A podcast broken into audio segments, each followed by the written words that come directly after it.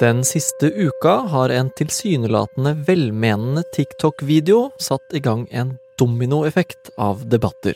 Dagens sexkultur den har blitt tinderifisert. Det betyr at noen veldig få menn egentlig har tilgang på alle jentene, og de fleste av oss gutta egentlig ikke får oss noe som helst. Utsagnet til FpU-leder Simen Velle har skapt sterke reaksjoner. Han har fått kritikk fra mange hold og uventet støtte fra andre. Og det hele har startet en opphetet og litt forvirrende debatt om likestilling, kjønnsutfordringer og mennene som faller utenfor. Og spørsmålet vi skal diskutere er om likestillingen hindrer menn fra å få seg dame. Du hører på Forklart fra Aftenposten, hvor vi tar for oss én nyhet i hver episode. I dag nøster vi opp i debatten rundt Simen Velles TikTok-utsagn. Det er fredag 1. mars, og jeg heter David Vekoni.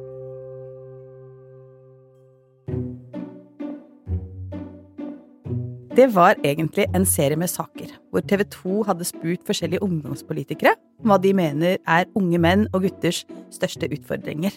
Det her er Therese Solhjem. Ved siden av å snakke om popkultur hver uke i Aftenpostens podkast Poprådet, så er hun også kommentator her i avisa. Og hun har fulgt den debatten her med stor interesse. Og så var det lederen av FrPU, altså Fremskrittspartiets ungdomsparti, sin tur, Simen Velle. Og de fleste av oss gutta egentlig ikke får oss noe som helst. I forbindelse med den saken så la TV 2 ut en video på TikTok. Man skulle kanskje tro at dette ikke var et politisk problem, men det begynner faktisk å utvikle seg til et. Og der går Simen Velle med en sånn bakovertrukket hestehale, en stilren mørkeblå jakke, nedover en gang mens han snakker. All likestillingspolitikk har handlet om å løfte kvinnene, og det har gått på bekostning av oss menn. For første gang på veldig lenge så løftes debatten om oss gutta i det norske samfunnet, og det skal vi være veldig, veldig stolte av. Det er ingen grunn til å skamme seg over å være en mann. Hvem er Simen Velle?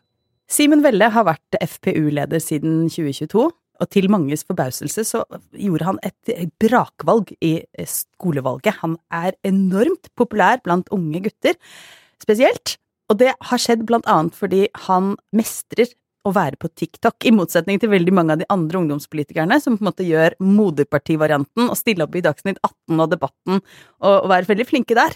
Men Simen Velle klarte på en måte å treffe ungdommer der de var.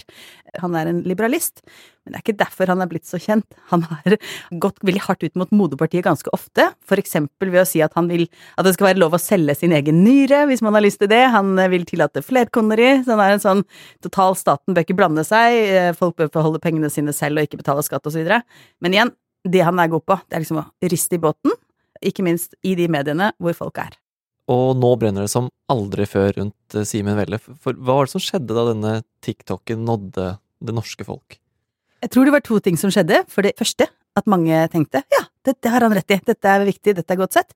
Men så var det veldig mange andre som tenkte hva er det her for noe? Skal menn ha liksom rett til å få tilgang på jenter? Og det er sånn så kommentarfeltet ut.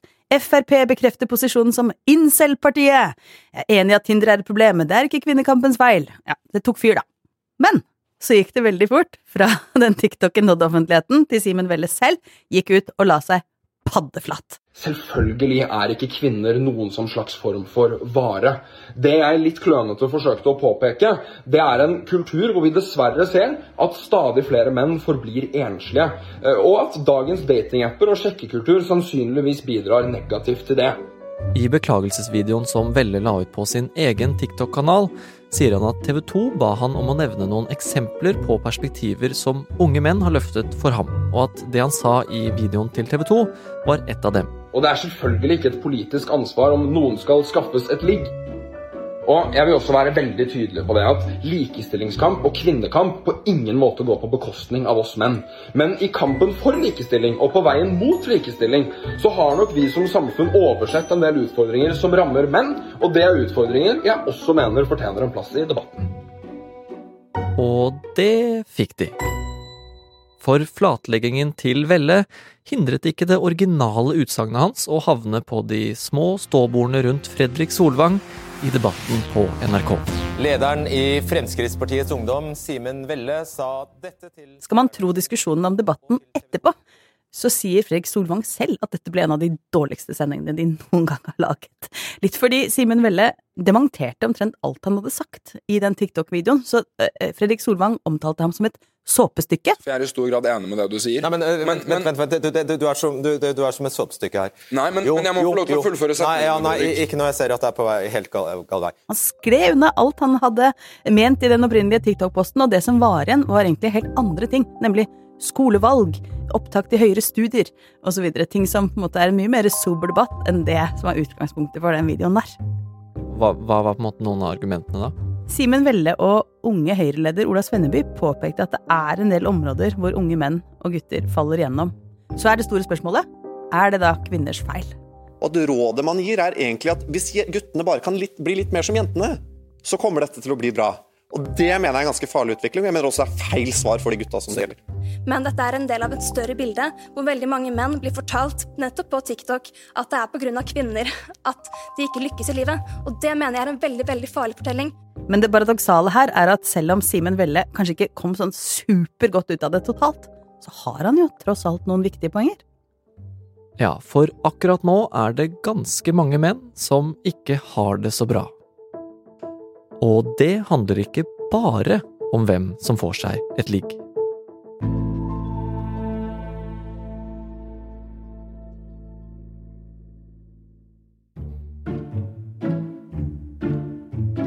Etter at Simen Velle fikk pepper fra så godt som alle kanter, og så la seg langflat, fikk han også støtte fra litt uventet hold.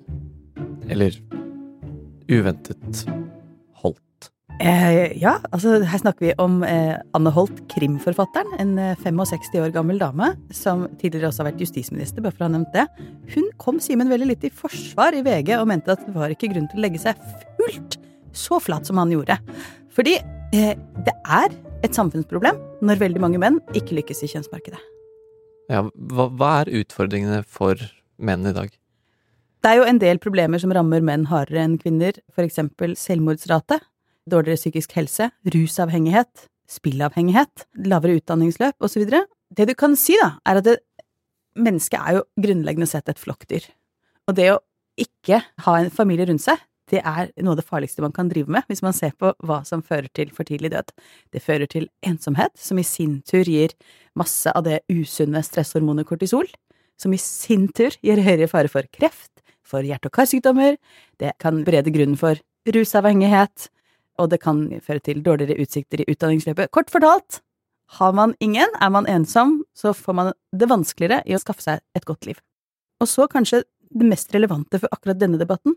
Én av fire menn har ikke barn når de har fylt 40 år. Det er et tall som er 50% høyere enn for kvinner. Det man har av forskning, viser at veldig mange av disse mennene skulle gjerne ha ønsket å få barn. Og så kan det så klart være ulike grunner til at man ikke har barn som 40-åring selv om man ønsker det. Alt handler jo ikke om at man ikke får seg noe. Poenget er at dette er relativt høye tall. Men selv om dette er et veldig viktig poeng og noe vi må snakke om, så har TikTok-videoen til Velle fyrt i gang en debatt som spriker veldig. Så vi må nøste opp litt.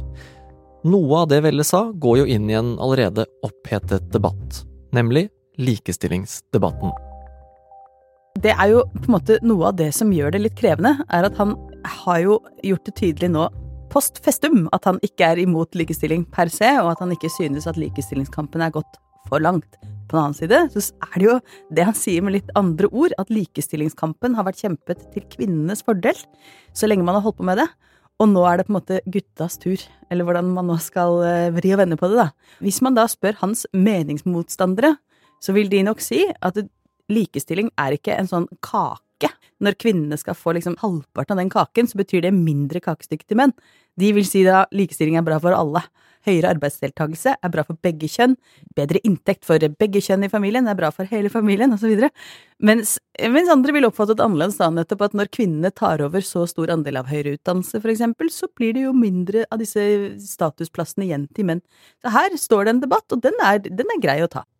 Altså, er det et problem, da, at Velle tar opp den debatten her? Det eh, enkelte vil hevde, da, er at det strekker seg et omland her, som kanskje begynner med Jordan Peterson, som sier sånn Vil du ha deg dame, så må du rydde på rommet ditt, du må oppføre deg ordentlig, og du må gjøre leksene dine, og eh, klipp deg, og så videre. Derfra til Andrew Tate, som plutselig mener at eh, kvinnene skal underordne seg mannen, og derfra videre ut i noe enda mørkere, nemlig liksom incel-land, hvor det er kvinnenes feil at menn ikke får deres rettmessige del av eh, mengden kvinner. Og det tar oss over til en annen del av denne saken, som kanskje egentlig er det folk har reagert mest på i videoen til Velle. Datingkulturen. Det som satte i gang hele denne greia, at en del menn ikke får seg noe i det hele tatt. Hva er egentlig forklaringen på det? Det interessante er at før likestillingskampen begynte, så var det avgjørende for kvinner å finne seg en mann som hadde høy status, trygg inntekt å kunne forsørge familien og ta, ta, vare på barna. Og dette var noe av det evolusjonsbiologen Jens Andreas Huseby snakket om i debatten. Et fenomen man kaller hypergami. Nettopp at kvinnen sjekker oppover, for å bruke det uttrykket, vil ha trygge rammer. Og når man da ser på likestillingskampen, så har jo den ført til at kvinnen har fått sin egen inntekt, og ikke lenger trenger en mann som forsørger seg. I tillegg har vi velferdsstaten som skulle passe på hvis det går riktig godt. Men det har paradoksalt nok ikke ført til at kvinner har på en måte tatt for seg av det store genbassenget av menn der ute. De fortsetter med denne merkelige hypogamien. De vil fortsatt sjekke oppover, ha en mann som har høyere status, som fortsatt har kanskje mer penger, og kan tilby den trygge forsørgerrollen likevel. Og det fører jo til, ikke sant, når kvinner da har så veldig høy utdannelse som de i snitt har, høyere enn menn, så blir det ganske trangt i feltet. I tillegg har vi en kultur som tillater skilsmisse, og at det, det ikke er noen måte sosial skam i å få barn med forskjellige personer. Og da blir mange menn valgt bort. Og andre menn blir eh, gjenbrukt, for å bruke et uærbødig uttrykk om partnervalg. Og oppå alt det der så legger du vår moderne tids datingkultur, med alt det bringer med seg av apper og styr. Ja, dette er jo noe av det som gjør at Velle snakker om at sjekkekulturen, datingkulturen, er tinderifisert. Fordi før disse appene så kunne man i hvert fall håpe på at man satt kanskje på en bar eller var på en konsert og kom med en artig replikk i en søt jentes øre, og så var den humoren eller den tilstedeværelsen eller karismaen eller hva som helst så overvinnende at du fikk den jenta likevel. Men her på Tinder så er det ganske nådeløst. Man skal være litt forsiktig med å legge for mye i sånne eh, hashtag emneknaggtrender, men en stund var det jo sånn ikke gidd å ta kontakt hvis du er under 1,80, var det en del av jentene som sa. Og det vil jo si at hvis man da tenker at 1,80 eh, er på en måte gjennomsnittet i høyde for menn, så vil jo halvparten bli sveipet bort bare pga. hvor høye de er. Det er jo ganske nådeløst. Ok, Therese, så uh, egentlig så snakker vi nå om ganske mange ting da, som inngår i denne problematikken. På den ene siden så eh, har vi dette reelle samfunnsproblemet hvor menn faller utenfor, og en opphetet likestillingsdebatt om hvorvidt det har gått for langt, og hvem som bør løftes. Og så har vi en datingkultur eh, som få kanskje trives i, eller mestrer. Er det riktig oppsummert? Jeg tror det er veldig eh, godt observert. Så kan man si da at utfordringen her er at det, det, er lett å si seg enig i at dette er et samfunnsmessig problem. Det er et kulturelt problem. Det er et problem at vi har en fjerdedel av alle menn som da ikke får barn. Men så er spørsmålet, er det dermed sagt et politisk problem? Og hvis det er det, hvordan kan politikken løse dette? Er det et politisk spørsmål at kvinner foretrekker menn over 1,80? Det er vanskelig å gjøre noe med. Så er det andre ting som politikken tross alt kan gjøre noe med, og det er for eksempel tilgang til høyere utdannelse. For eksempel har man muligheten til å innføre kjønnspoeng, slik at menn får en større sjanse til å komme inn på studieretninger som per i dag er dominert av kvinner, sånn som medisinstudiet, odontologi, veterinærstudiet, psykologi osv. Det vurderer man allerede å gjøre i noen grad. Men ok, da, da, blir det litt lettere for legene da, å få seg dame. La meg bare si det sånn, jeg tror ikke det løser problemet. Jeg mener det er riktig at politikken prøver å rette opp i noe av den kjønnsubalansen i høyere utdannelse, eksempel, men jeg mener at det er å skrape helt på toppen av isfjellet. Mm. Men, men fins det noen løsninger da, på de andre tingene? Et stort og vanskelig spørsmål. Eh, regjeringen har tenkt på dette, og har satt ned et eget utvalg som skal utrede gutter og menns likestillingsutfordringer i Norge. De har 17 medlemmer, kommer en rapport fra dem i april. Det blir veldig spennende å se hva de kommer frem til. Og så går det kanskje an å håpe da at noen finner opp en datingapp som er litt mindre overfladisk enn Tinder.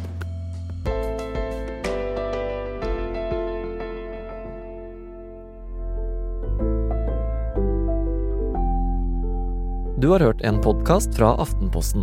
Det var Therese Sollien som tok deg trygt gjennom Simen Velles uttalelser, flatlegging og debatt.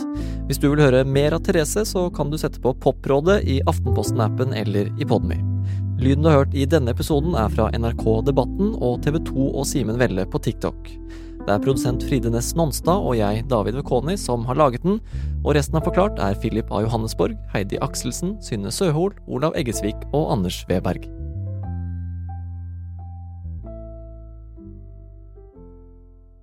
Hva skal jeg si for noe? Hør på Aftenpåden USA. Ja, altså I denne ukens episode av Aftenpodden USA så har vi som vanlig ikke klart å gjøre stort annet enn å snakke om hva som har skjedd den siste uka. Og en av de tingene, det er uh, Joe Bidens problemer med, uh, med, muslimske velgere i Michigan. Og så har vi snakket om Alabama, for uh, der lurer man på det som ligger i fryserne på sykehus. Er det små befruktede egg, eller er det babyer? Og så har vi jo også snakket om hva det egentlig er Nikki Haley forsøker på. Alt dette her kan du høre om i siste episode av Aftenpodden USA, enten på Podme eller i Aftenposten-appen. Vi høres. Yes.